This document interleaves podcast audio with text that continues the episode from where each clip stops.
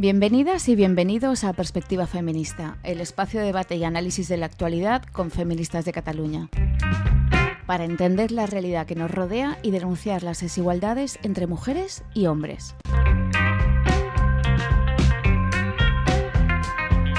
Bienvenidas y bienvenidos a este nuevo episodio de Perspectiva Feminista. Yo soy Pat de Lidia y hoy os queremos hablar de algo que muchas personas, de forma inconsciente a veces o de forma malintencionada a otras, definen como el oficio más antiguo del mundo. Hoy os queremos hablar de prostitución, aunque las feministas acostumbramos a hablar en general de explotación sexual. Enseguida entenderéis por qué.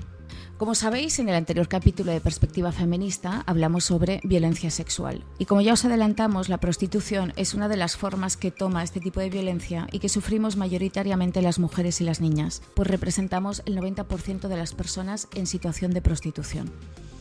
Según la RAE, la prostitución se define como la actividad de quien mantiene relaciones sexuales con otras personas a cambio de dinero. Yo no sé a vosotros, pero a mí esta definición eh, me suena a un tipo de intercambio o interacción muy fría, muy mecánica y de hecho casi automatizada y también muy deprimente.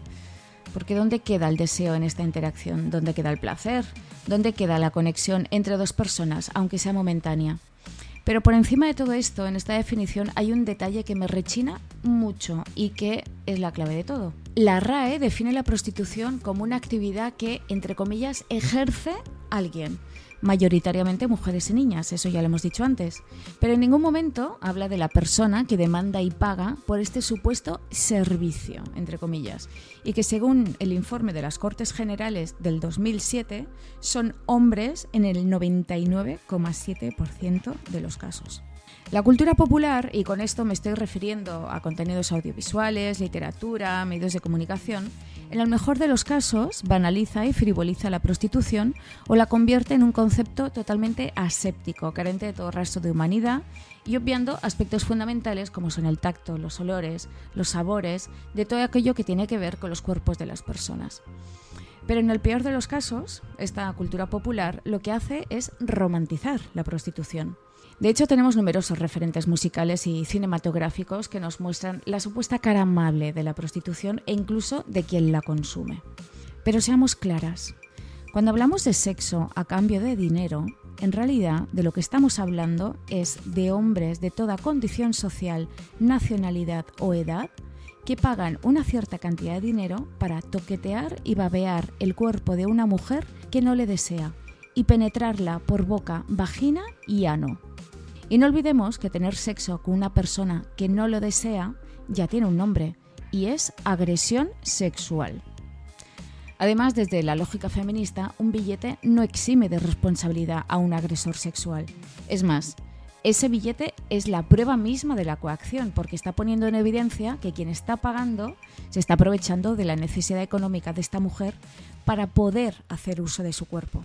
Es curioso cómo hay quien defiende la legalización o la simple existencia de la prostitución bajo el argumento de que realiza una especie de función social necesaria, ya sea porque supuestamente evita que se produzcan más violaciones, como si las mujeres y niñas prostituidas no fueran violadas a diario, o porque es el único medio que muchos pobres hombres, entre comillas, es decir, hombres viejos, poco agraciados, con pocas habilidades sociales o con alguna minusvalía, tienen para poder acceder al sexo, como si tener una vida sexual activa fuera un derecho humano. De nuevo, parece que este supuesto derecho humano en realidad es solo un deseo y, por encima de todo, un privilegio masculino. Muchos hombres acuden a prostíbulos y nightclubs para celebrar despedidas de soltero, para culminar una noche de fiesta con sus colegas, para poner en práctica lo que ven en el porno, para cerrar una larga jornada de congreso o un acuerdo de negocios. Hay hombres que incluso llevan a sus hijos a un prostíbulo como ritual para convertirles en un hombre adulto y muy macho. Y los millones de hombres en todo el mundo que consumen mujeres y niñas como forma de ocio y como ritual de reafirmación de su propia masculinidad, viven como diversión lo que para las mujeres es en realidad un infierno. Un infierno lleno de agresiones sexuales y humillaciones, con un elevado riesgo de infección por VIH y otras infecciones de transmisión sexual, con abuso de alcohol y otras drogas para disociarse de su propio cuerpo y soportar así, varias veces al día, ser magreadas y penetradas por numerosos hombres que no conocen ni desean. también con un elevado riesgo de ser asesinadas por los mal llamados clientes o por los proxenetas. De hecho, las mujeres en situación de prostitución tienen un riesgo 12 veces mayor que cualquier mujer de su edad de morir asesinadas por un hombre. Y por supuesto, estas mujeres sufren numerosos y gravísimos efectos a nivel de salud mental. Una de las consignas que las feministas a menudo gritamos en las manifestaciones y escribimos en nuestras pancartas es que ninguna mujer o ninguna niña nace para ser puta. Y esto significa que una prostituta no nace, sino que se construye. Y es fundamental entender y visibilizar cuáles son los mecanismos a través de los cuales se fabrica una mujer prostituida. Es decir, es necesario que vayamos más allá de la banalización que se hace de la prostitución y que analicemos qué o quién convierte a una niña o a una mujer en un producto de consumo, en un simple instrumento de usar y tirar para el placer masculino. Hablar de prostitución y de explotación sexual requiere, por tanto, ampliar el foco y observar todos los actores, las estructuras y las dinámicas que conforman lo que denominamos el sistema prostitucional. Un sistema en el que las mujeres y las niñas no ejercen una actividad, ni son sujetos activos, sino que son objetos de consumo y, por tanto, víctimas. En definitiva, la prostitución no es empoderante, no es un servicio, no es un trabajo y no es sinónimo de libertad. Muy al contrario, la prostitución es desigualdad, es proxenetismo, es violencia, es explotación, es esclavitud, es patriarcado y es un negocio criminal multimillonario. En próximos episodios hablaremos más en profundidad de todo esto y en especial de su situación legal actual tanto en España como en el resto de Europa, así como de las demandas desde el feminismo de una ley abolicionista del sistema prostitucional.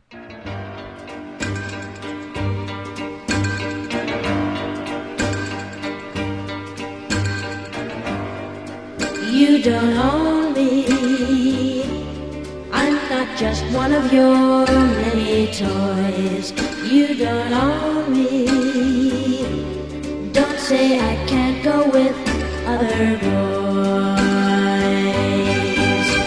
And don't tell me what to do. Escuchábamos You Don't Owe Me de Leslie Gore cantante, actriz, compositora y activista norteamericana. Este tema, de 1964, se convirtió en un himno del movimiento feminista de la época.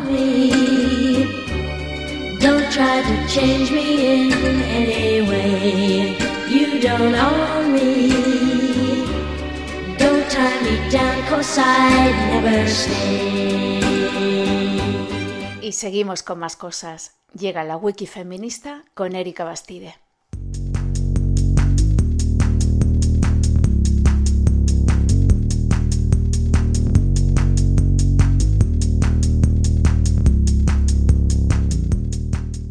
Bienvenidas a la wiki feminista de esta semana.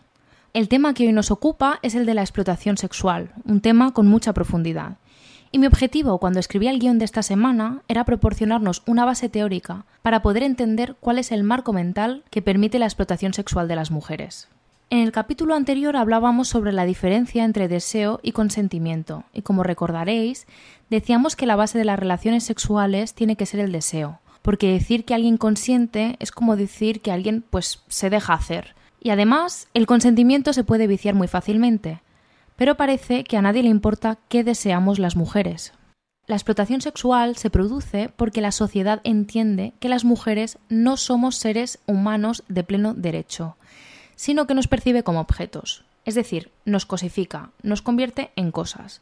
Y para que se produzca esta cosificación de las mujeres es necesaria una cierta deshumanización de estas. Es decir, para empezar a vernos como cosas es necesario que se nos deje de ver como personas. Y desde ahí se nos considera a las mujeres, nuestros cuerpos, nuestras funciones biológicas, como bienes materiales que se pueden vender, comprar o alquilar. Y este proceso se conoce como mercantilización del cuerpo de las mujeres. Si os fijáis, detrás de todo esto hay una idea latente, que es la disociación entre el cuerpo y la mente, como si las personas fuéramos almas o cerebros conduciendo unos cuerpos que nos son ajenos. Pero en realidad las personas somos nuestros cuerpos. Cuando hablamos de la prostitución y de la pornografía, estamos hablando de la mercantilización de nuestras capacidades sexuales. En estos contextos las mujeres ya no somos consideradas personas con deseos, voluntad, agencia o derechos, sino que somos muñecas hinchables, con tres agujeros para el disfrute sexual de los hombres a cambio de un billete, independientemente de lo que desee la mujer en cuestión. Cuando hablamos del sistema prostitucional, nos referimos al negocio de la explotación sexual, que se alimenta básicamente de dos dimensiones. Por un lado está la prostitución y por el otro la pornografía. Para que este negocio multimillonario funcione, se requiere de los siguientes elementos. Unos demandantes, en este caso los puteros. Unas personas que son prostituibles, mayoritariamente mujeres y niñas. Luego están quienes se lucran de la prostitución de estas personas, es decir, los proxenetas. También nos encontramos entre las organizaciones que trafican con personas con fines de la explotación sexual, tratantes. Y finalmente, ¿quién tolera que todo esto ocurra? Que esto es el Estado. La aceptación social de la mercantilización del cuerpo de las mujeres es una consecuencia de la ideología neoliberal. Es el mercado amigos y nosotras somos la mercancía, amigas. Una ideología que convierte en mercado todos los aspectos de la vida, con una táctica clara, transformar los deseos en derechos que se consiguen a cambio de dinero. Y quizás nos empieza a sonar un poco alguna frase, ¿no? El derecho a ser feliz, el derecho a ser padre o madre, el derecho a tener sexo con otra persona. ¿Pero esto qué es? Yo ya hace unos años que no voy a la escuela, pero por lo recuerdo los derechos eran, pues, el derecho a la vivienda, un trabajo digno, alimento. Si os interesa el tema de la explotación sexual desde una perspectiva feminista, yo os animo a entrar a nuestra web www.feministas.cat.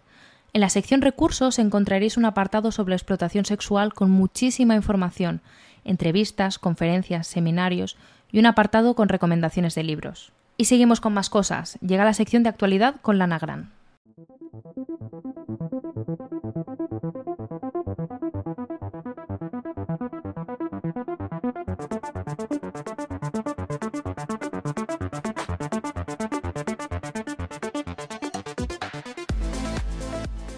Bienvenidas de nuevo al espacio de actualidad con perspectiva feminista en el que exploraremos una cuestión crítica y controvertida, la explotación sexual que sufren las mujeres.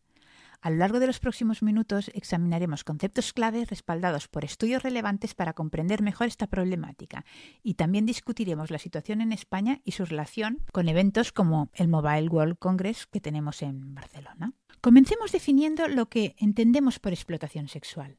Se refiere a la utilización de la fuerza, el engaño, el abuso de poder o la coerción para obligar a personas a participar en actividades sexuales no deseadas o no consentidas. La explotación sexual puede adoptar muchas formas, como la trata de personas con fines de explotación sexual, la prostitución y la pornografía. Para entender la magnitud de este problema, consideraremos algunas cifras alarmantes. Según la Oficina de Naciones Unidas contra la Droga y el Delito, estima que el 94% de las víctimas de explotación sexual son mujeres y niñas. Es importante señalar que España se encuentra en una posición única en Europa en lo que respecta a la explotación sexual. El país tiene la triste distinción de tener el mayor número de burdeles de Europa y, según algunos informes, es también uno de los mayores consumidores de prostitución del continente. El auge de eventos internacionales como el Mobile World Congress en Barcelona ha llevado a un aumento de la demanda de servicios sexuales, lo que a su vez ha impulsado la industria de la explotación sexual. Esta es una tendencia preocupante que destaca la interacción entre la demanda de la prostitución y la explotación sexual. Un estudio de la Universidad de Las Palmas de Gran Canaria analizó la relación entre la celebración de eventos masivos en España y el aumento de la explotación sexual. Los resultados revelaron un aumento significativo en la prostitución y trata de personas durante esos eventos, lo que subraya la conexión entre la demanda de servicios sexuales y la explotación. La explotación sexual tiene un impacto devastador en las víctimas. Además de las consecuencias físicas, como enfermedades y lesiones, las víctimas suelen enfrentar traumas psicológicos profundos, como trastorno de estrés postraumático y depresión. La explotación también puede atrapar a las personas en un ciclo de abuso y vulnerabilidad dificultando su escape. La explotación sexual es un problema complejo que requiere una respuesta multidimensional. Para abordarlo es esencial educación y concienciación, promover una mayor educación sobre la explotación sexual y sus consecuencias tanto en la sociedad en general como entre los profesionales que trabajan con las víctimas. Protección y apoyo a las víctimas. Garantizar que las víctimas tengan acceso a servicios de apoyo como refugios seguros, asesoramiento y atención médica una legislación efectiva, fortalecer las leyes y las políticas que combaten la explotación sexual y penalizan a los explotadores. Reducción de la demanda, Enfrentar la demanda de servicios sexuales a través de la concienciación y la aplicación de leyes que sancionen a los compradores de servicios sexuales. En resumen, la explotación sexual de mujeres es una realidad alarmante que afecta a muchas personas en todo el mundo, incluido España, que se destaca como uno de los países europeos con un alto número de burdeles y gran consumo de prostitución. Solo a través de un esfuerzo conjunto podemos trabajar para erradicar esta forma de explotación y proteger los derechos y dignidad de las mujeres. Os dejo con nuestra compañera Pat de Lidia y su nuestra FemTalk de hoy.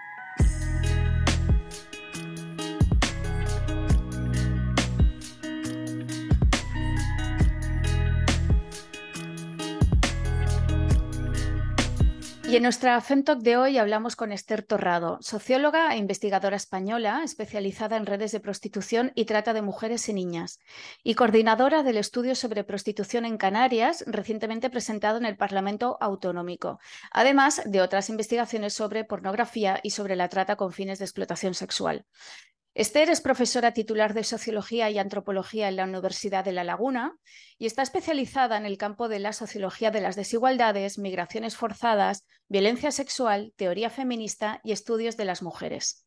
Es cofundadora de la Red Académica de Estudios sobre Pornografía y Prostitución, junto con la también socióloga Rosa Cobo de la Universidad de La Coruña, y además ha prestado servicios como socióloga en el Instituto Canario de Igualdad del Gobierno de Canarias, la Consejería de Educación, el Cabildo Insular de Tenerife y Forem, Fundescan y Red Anagos. Bienvenida, Esther. Hola, ¿qué tal? Gracias. A lo largo del episodio de hoy hemos estado hablando sobre la violencia extrema que supone la prostitución y hemos explicado por qué, desde el feminismo, pensamos que bajo ningún concepto la prostitución puede ser considerada un trabajo o un servicio. Pero a menudo lo cierto es que en reuniones sociales, ¿no? A veces ocurre que cuando se habla del tema, pues muchas personas sostienen pues que son muchas las mujeres que están en prostitución porque quieren y realizan una tramposa distinción entre la trata y una prostitución supuestamente libre, entre comillas. Desde tu perspectiva como experta, ¿tiene sentido realizar esta distinción entre prostitución y trata? Bueno, tiene sentido para el lobby proseneta, ¿no? Y, y, para todos los actores que intervienen en la industria para la explotación sexual. Tiene sentido porque así higienizan eh, la mm, prostitución, minimizan los daños que se generan en, en esta industria para la explotación sexual y hacen creer a la mayoría de la ciudadanía que existe una prostitución buena y una prostitución mala, ¿no? Eh, separando lo que es eh, la prostitución de adultas es buena, la de niñas es mala, ¿no?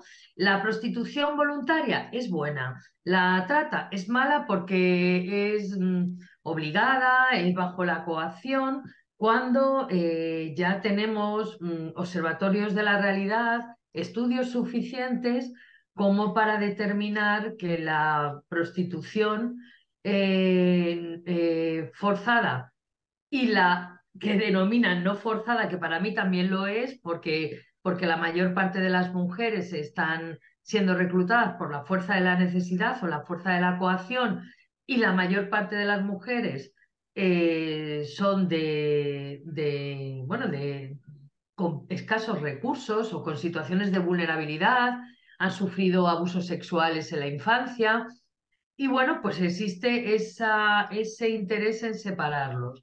En nuestro estudio que hemos terminado recientemente para el Gobierno de Canarias, que se llama Trasex, eh, Trata Sexual, el dato y el relato, vemos como la mayor parte de las mujeres que fueron reclutadas para la industria por la fuerza de la coacción, una vez que terminan de pagar o de saldar la deuda, si es que terminan alguna vez, continúan en la industria para la explotación sexual en condiciones lamentables y bueno, eh, sin, sin oportunidades. Pero al contrario, muchas mujeres que, entre comillas, entraron sin ser víctimas de trata, ¿no?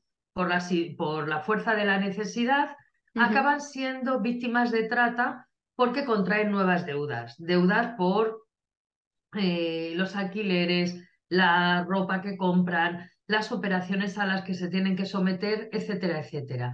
Y otro, otro elemento que sacamos de este estudio es que en ese contexto conviven ambos tipos de mujeres. Es decir, conviven menores y adultas, víctimas de trata y víctimas de eh, la necesidad o la vulnerabilidad. Con lo cual me parece mm, ridículo y el único objetivo para separarlo es higienizar a los prosenetas y convertirlos en, empresarios, que es lo que se higienizar a, los prostituyentes o a los perpetradores y convertirlos en clientes e higienizar en definitiva al lobby proseneta, no nada más.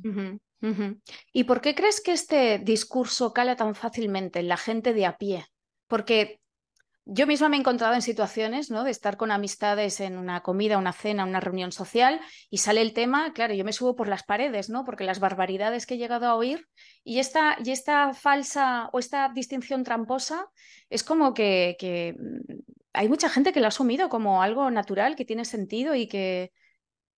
Bueno, pues porque, porque eh, nuestra sociedad es misógina. Eh, yo siempre digo que el mayor delito de odio que hay en el mundo y en nuestro país, ahora que, y la mayor fobia, ahora que estamos en la moda de las fobias, ¿no?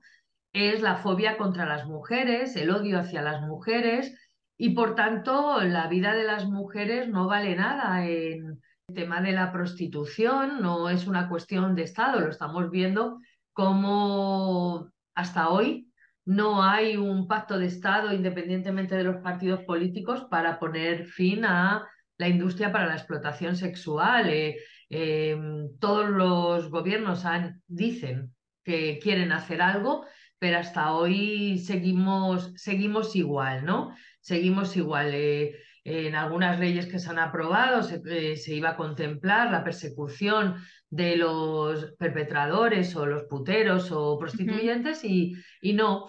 Eh, de todas formas, mm, a mí sí me gustaría comentar que, que cuando antes de aprobarse la ley contra la violencia, la ley del 2004 en España, sí, La, la, violencia contra las mujeres estaba muy minimizada, eh, justificada, neutralizada.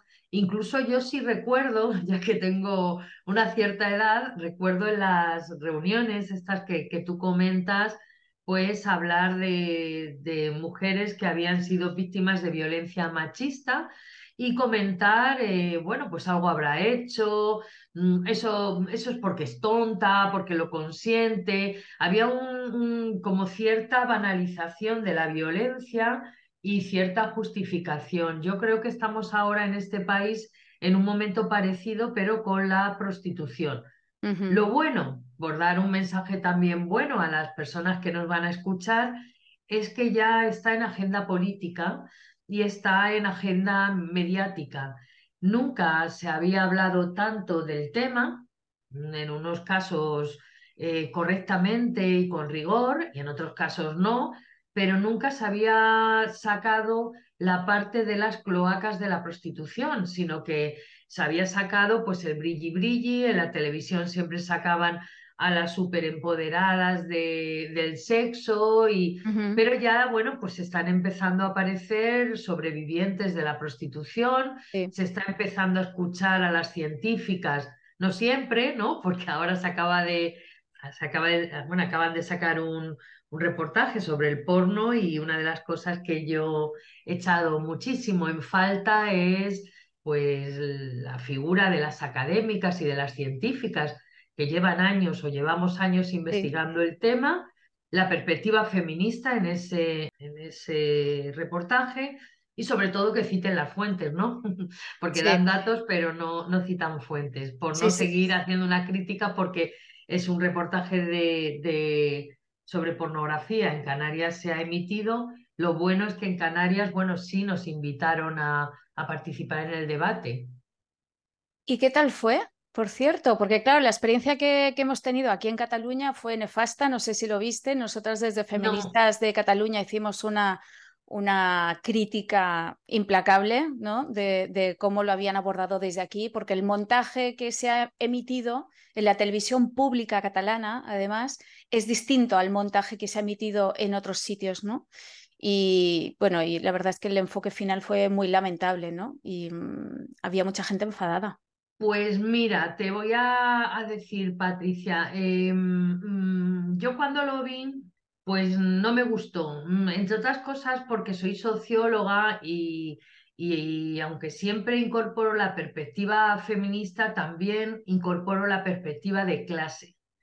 Y bueno, pues en el reportaje aparecían unas familias, pues se reflejaba una clase media, alta incluso, y bueno, pues unas familias donde los chicos y chicas hablan con sus padres y madres. Bueno, más bien madres. Me sorprendió por qué no salen también los padres. Habría que hacerse esa pregunta. Yo tengo mi hipótesis, pero bueno, me la guardo. Yo también la eh, tengo y de hecho no me sorprendió que no salieran. Yo creo que mm. coincidimos en la hipótesis, ya lo hablaremos. Pero... Entonces, ¿por qué no? No, bueno, pero sí que hay una, un sesgo de clase, pero mm. también... Eh, de perspectiva, ¿no? No, no, no es un reportaje con una perspectiva feminista, aunque quieren aparentar que lo es. ¿Por qué no es un, con una perspectiva feminista? Porque, entre otras cosas, pues no han invitado a la mayor parte de las feministas que tienen discursos sobre el tema, un discurso crítico e investigaciones, ¿no? Y luego a mí, pues me parece más un rollo, un rollo, a mí no me gustan los espectáculos con la violencia, ¿no? Y hay una cuestión que me, que, bueno, no es que me moleste porque ya estoy acostumbrada a todo este tipo de operaciones, pero, y tampoco me sorprende. Eh, es que metan en ese reportaje que aparentemente es para alertar a, a la sociedad y a las familias sobre las multinacionales del porno y el daño que están haciendo a los menores, y resulta que meten a la gente de la industria que, que, parece que nos van a aconsejar diciendo lo bueno que es el porno, ¿no? Y ya cuando nos da la masterclass el, el, señor este, el señor, el, el, supuesto actor porno y la supuesta actriz porno, pues ya es como para, bueno, pues no, no, tiene, no tiene mucho sentido. Hombre, lo bueno, lo bueno de estas cosas, bueno, ahí también hay unos sesgos también, bueno, e, evidentemente si, si se hace un análisis profundo se ve cómo las administraciones se tiran la pelota unas a otras, ¿no? Desde el ministerio, cuando interviene la secretaria de Estado, ¿no? Eh, eh, que le tira la pelota a la consejería, ¿no? Y la consejería dice no podemos hacer nada. Bueno, cuando hemos visto que con otras leyes que afectan a una minoría muy minoritaria, pues tanto los, los gobiernos autonómicos como el gobierno de la nación han legislado. Vuelvo a irme a la misoginia. Es decir, como no, como esto afecta eh, sí, afecta a los menores, pero sobre todo es una escuela de desigualdad, es una escuela de violencia y esa violencia se va a ejercer contra las mujeres y las niñas. Lo estamos viendo ahora con el fenómeno de las mal llamadas manadas y lo estamos viendo con las violaciones a mujeres prostituidas y, la violencia que se está ejerciendo contra ellas. Entonces, bueno, pues es que, es que vamos, es, eh, blanco y botella, ¿no? Esther, em, en la introducción decía que, eres cofundadora, ¿no? precisamente de la red académica de estudios sobre pornografía y prostitución, y, me encantaría que nos pudieras hablar de, esta red. ¿Cómo nació? ¿Cuáles son sus propósitos y en qué momento se encuentra actualmente? Pues es una red eh, académica e internacional. Em, un día decidimos, las mujeres que estábamos en la academia, y estábamos un tanto cansadas de nuestra invisibilización por muchas razones que, tardaríamos dos horas en explicarlas, sino de, la falta de respeto a nuestro trabajo, de, eh, bueno, pues porque en realidad estamos yendo contra un poder económico y un poder patriarcal y bueno, pues em, decidimos mm, darle valor a nuestro trabajo y, establecer una red de cooperación, una red feminista de cooperación de investigadoras de, las universidades públicas, tanto españolas como, como latinoamericanas, eh, bueno, europeas, para precisamente eh, intercambiar conocimientos, intercambiar estudios, eh, hacer propuestas. Nuestro objetivo es eso, es una, una agrupación es una red sin ánimo de lucro, evidentemente. Eh, no tenemos eh, eh, de momento ningún tipo de financiación más que la nuestra propia, ¿no? Y bueno, pues formamos, informamos, sacamos adelante las los resultados de nuestras investigaciones y lo que pretendemos es influir, lo que pretendemos es que influir en las políticas públicas, es decir, que nuestro país haya por fin una ley para abolir el sistema prostitucional. Eh, ese es nuestro objetivo. Somos abolicionistas, feministas y, y poco más. ¿Qué proyectos tenéis ahora mismo así como más cercanos a futuro? ¿Algún, ¿Alguna investigación en concreto que estéis ahí preparando? Pues a ver, estamos investigando desde muchas universidades. Yo ahora mismo eh, he montado un grupo en mi propia universidad de investigación que se llama Biosex, con gente joven eh, porque creo que una de las obligaciones nuestras de, las personas que trabajamos en la academia es crear líneas de investigación y que cuando no estemos, pues la, haya gente joven que siga adelante, ¿no? Y bueno, pues estamos ahora con un proyecto sobre acoso sexual en los lugares de ocio nocturno, eh, acoso sexual a, a mujeres, ¿no? A jóvenes. Pues porque todo tiene que ver con la violencia sexual, ¿no? Es decir, eh, si estamos viendo los datos del Ministerio del Interior, que no es sospechoso de ser feminista, ¿no? Cómo la violencia sexual en nuestro país está incrementándose, ¿no? Y, claro, esa violencia sexual es fundamentalmente hacia las mujeres y las niñas. Y bueno, esa violencia es en cualquier espacio y en cualquier entorno, ¿no? No solamente con sus parejas eh, o parejas, sino que estamos viendo cómo en los espacios de ocio nocturno también, en los centros comerciales, estamos viendo cómo también en incluso, eh, bueno, la, actividad de, eh, prostitucional por sí es violenta y patriarcal, ¿no? Pero cómo, cómo está apareciendo la violencia extrema hacia las mujeres en, en la prostitución y bueno, pues queremos influir con estos datos, ofrecerlos a la ciudadanía y bueno, si los políticos y políticas eh, les desaparece esa sordera, ¿no? Porque, porque es increíble, es increíble que en nuestro país no se haya eh, aprobado todavía una ley para abolir el sistema prostitucional, bien dotada, evidentemente, de recursos y de, y de, y de servicios para las mujeres y de alternativas, pero no, yo no sigo sin entender, eh, ya no vale la excusa de, de, aquella época cuando el gobierno, ¿verdad?, de Zapatero hizo aquella, aquel acto en el Congreso de los Diputados y hizo pasar a, a todas las mujeres eh, para que hablaran sobre la prostitución a favor y en contra. Ya estamos en otra época y no, yo no entiendo cómo un gobierno que se denomina progresista no ha hecho ya una ley que penalice el consumo de prostitución y que dé alternativas a las mujeres y niñas que están siendo reclutadas. No, no, lo, no lo comprendo. Ya hay datos, ya hay estudios, ya llevamos años eh, ofreciéndolos y, y, bueno, pues eh, siguen dedicándose a otros menesteres, con lo cual vuelvo mm. al principio de mi intervención, que parece que la vida de las mujeres en este país importa muy poco. Mm, mm. Y además es que es que los datos lo avalan, ¿no? Y incluso como tú decías, o sea, el gobierno supuestamente más progresista de la historia resulta que hace oídos sordos a los datos que tenemos de otros países, ¿no? Eh, donde sí se ha aplicado, por ejemplo, una legislación eh, abolicionista y los resultados igual no son óptimos, pero son bastante positivos, mientras que en cambio donde se ha aplicado una legislación regulacionista, los datos son de película de terror. Lo que pasa es que es una realidad para las mujeres en situación de prostitución en esos países, ¿no?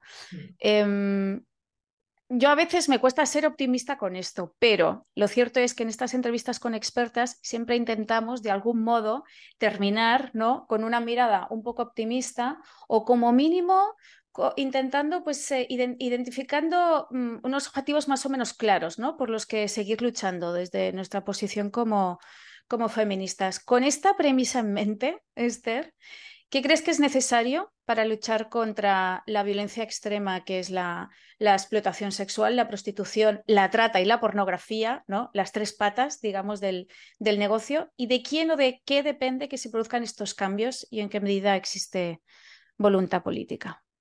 Yo, fíjate, creo, el, otro día en una intervención mía hablaba de que este tema de todo lo que se refiere a la violencia sexual, que es la prostitución, la pornografía, los vientres de alquiler, bueno, porque hay un montón de, de subproductos y hay un montón de intermediarios, yo creo que lo primero, lo primero que tiene que haber es un pacto de Estado. Esto no es una cuestión ideológica. No es que los, los de izquierda son abolicionistas y los de derecha son no sé cuántos. No.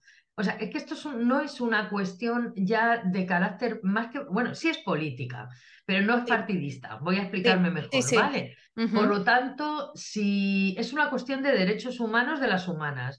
Entonces, yo creo que tiene que haber un pacto de Estado para eh, establecer una, una ley o un acuerdo marco para, mm, insisto, penalizar al demandante, penalizar a los dueños de los prostíbulos, a quien se lucra de, y por supuesto dar alternativas a las mujeres, a las mujeres que quieran salir de la industria y frenar los reclutamientos. Eh, eso, eso es básico y para eso hace falta un pacto de Estado y una ley. Pero también nos hace falta mucha pedagogía, mucha, mucha pedagogía y como digo yo, abolicionismo por desgaste. O sea, mm, es hablar y hablar y hablar porque mm, cuando la gente te dice, bueno, em, pues a mí la prostitución no me parece tan mala, yo, siempre le digo, pero tú conoces algún prostíbulo, has hablado con alguna mujer en prostitución, eh, esto es como el cuñadismo, ¿no? De yo conozco una, yo conozco una mujer yo, que, que, pegó al marido, yo conozco a una mujer que le gusta eh, ser eh, prostituta, ¿no? Bueno, datos, datos, relatos, datos, datos, relatos, argumentos y mucha paciencia, mucha pedagogía, mm.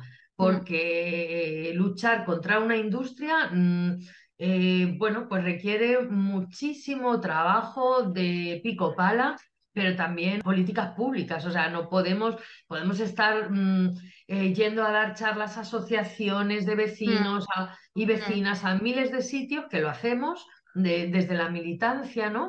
Y no nos hacemos millonarias, como, como dice el lobby, ¿no? y, sin embargo, pues la incidencia política es relativamente escasa. Mm, escasa, mm. ¿no? Eh, tenemos que incidir políticamente porque aquí se tiene que aprobar una, una ley. Y luego también hablar mucho con los medios de comunicación. A mí, en principio, me, me resultaba complicado mm, conceder entrevistas, ir a debates, eh, ya sí que es verdad que no voy a debates a hacer espectáculos, pero si quieren saber eh, sobre mis trabajos o mis opiniones, sí. Y además creo que tenemos que estar ahí en el, en el debate público. Y creo que ahí sí que estamos ganando, ¿eh? Sí que estamos ganando porque cada vez yo veo con sorpresa o con, o con alegría que cada vez hay más compañeras, ¿no?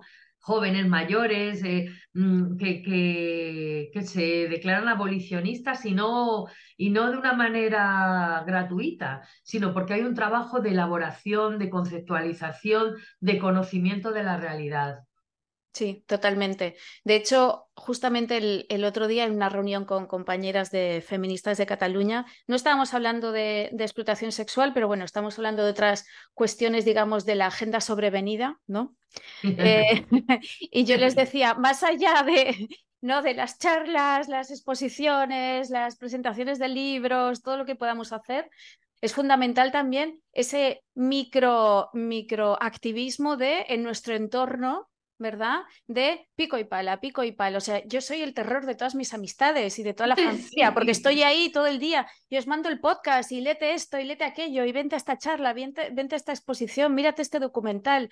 No, al final es como, uff, qué pesada. Pero qué satisfacción cuando de repente, aunque sea al cabo de dos años que me ha ocurrido, viene una amistad, ¿no? Una amiga en este caso me dice, oye Patricia, pues tenías razón, fíjate que le he estado dando vueltas, ¿no? Pues sí. Pues sí. Y, eso es una satisfacción muy grande y al final eso es ir, ¿no? Contribuye también a, modificar esa percepción de la gente, ¿no? Pues sí, porque mira, yo mm, creo que hay eh, personas que defienden la prostitución porque tienen intereses en ella, ¿no? Porque no necesariamente tienen que ser del lobby, ¿no? Eh, es decir, que se estén lucrando, pero bueno, hay un cierto interés. Y también el lobby prostitucional eh, tiene interés en meterse en la academia, por ejemplo, eh, porque le da prestigio al discurso. Pero hay gente mm, que yo creo que es porque mm, consideran que es más moderno, consideran que son más demócratas o más progresistas, pero una vez que revisan sus posiciones, Mm, si tú estás a favor de los derechos humanos, no mm. puedes defender la prostitución. Por eso muchas veces a mí me sorprende que gente que se... Yo ahora estoy con el discurso de anticapitalista, ¿no? Porque ya mm, el de los derechos humanos me he dado cuenta que a muchos hombres ya eh, les da igual, ¿no? Los derechos humanos de las humanas. Eh, pero sí el tema del, bueno, pues en, una parte de la población anticapitalista, que se declara a favor de la prostitución. Y le digo, pero si la prostitución ahora es la institución más capitalista, más global y más internacional que existe en este mundo.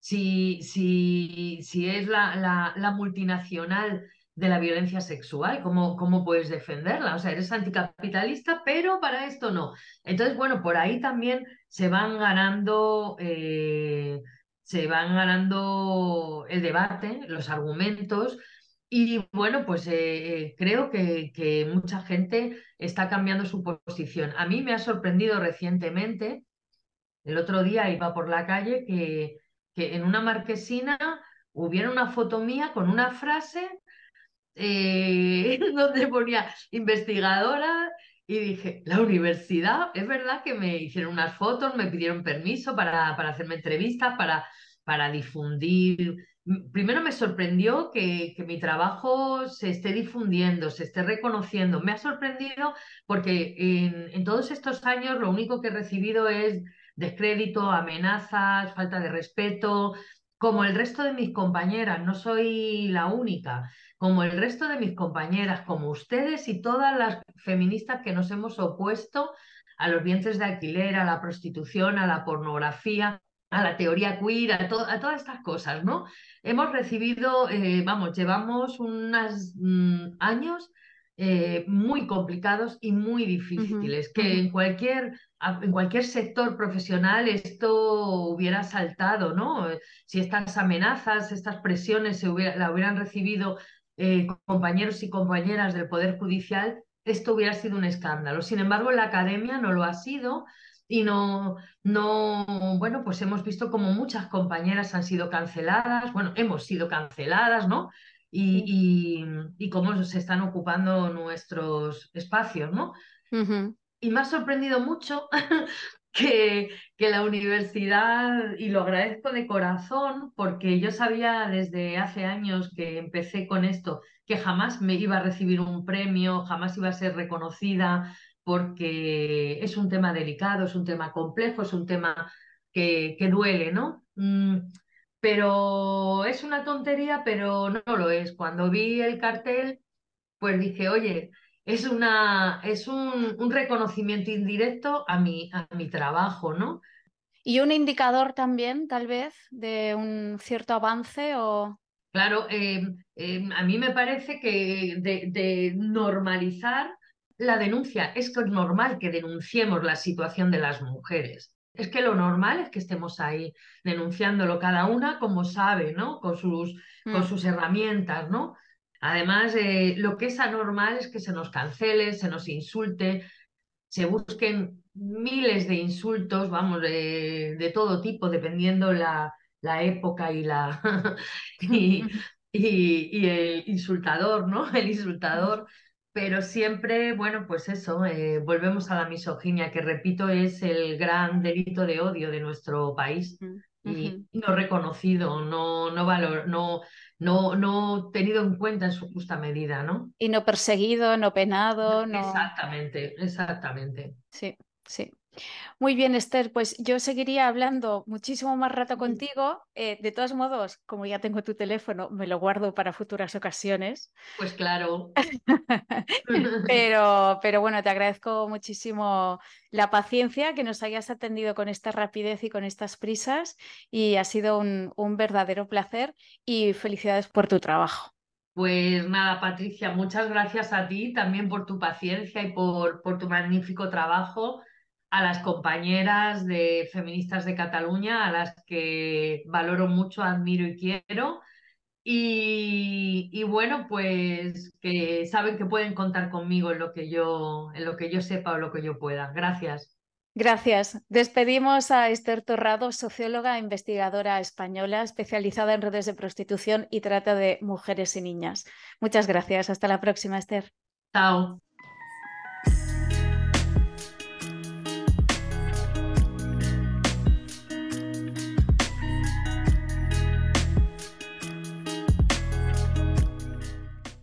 Y hasta aquí el Perspectiva Feminista de esta semana. Muchas gracias por vuestra atención.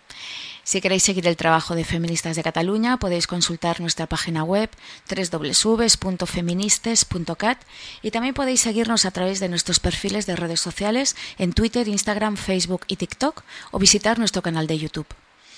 Nos despedimos con el tema musical Rata de dos patas de Paquita la del Barrio dedicado a todos aquellos hombres que se sienten legitimados para acceder a los cuerpos de mujeres que no les desean a cambio de un billete.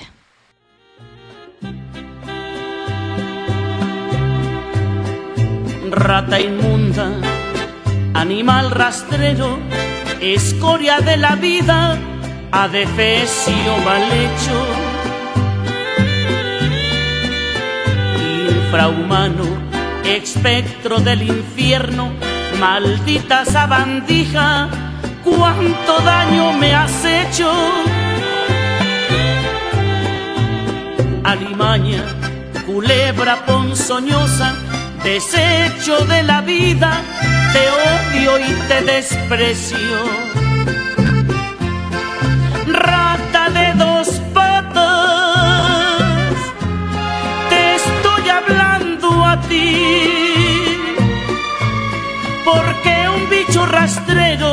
Aún siendo el más maldito, comparado contigo, se queda muy chiquito.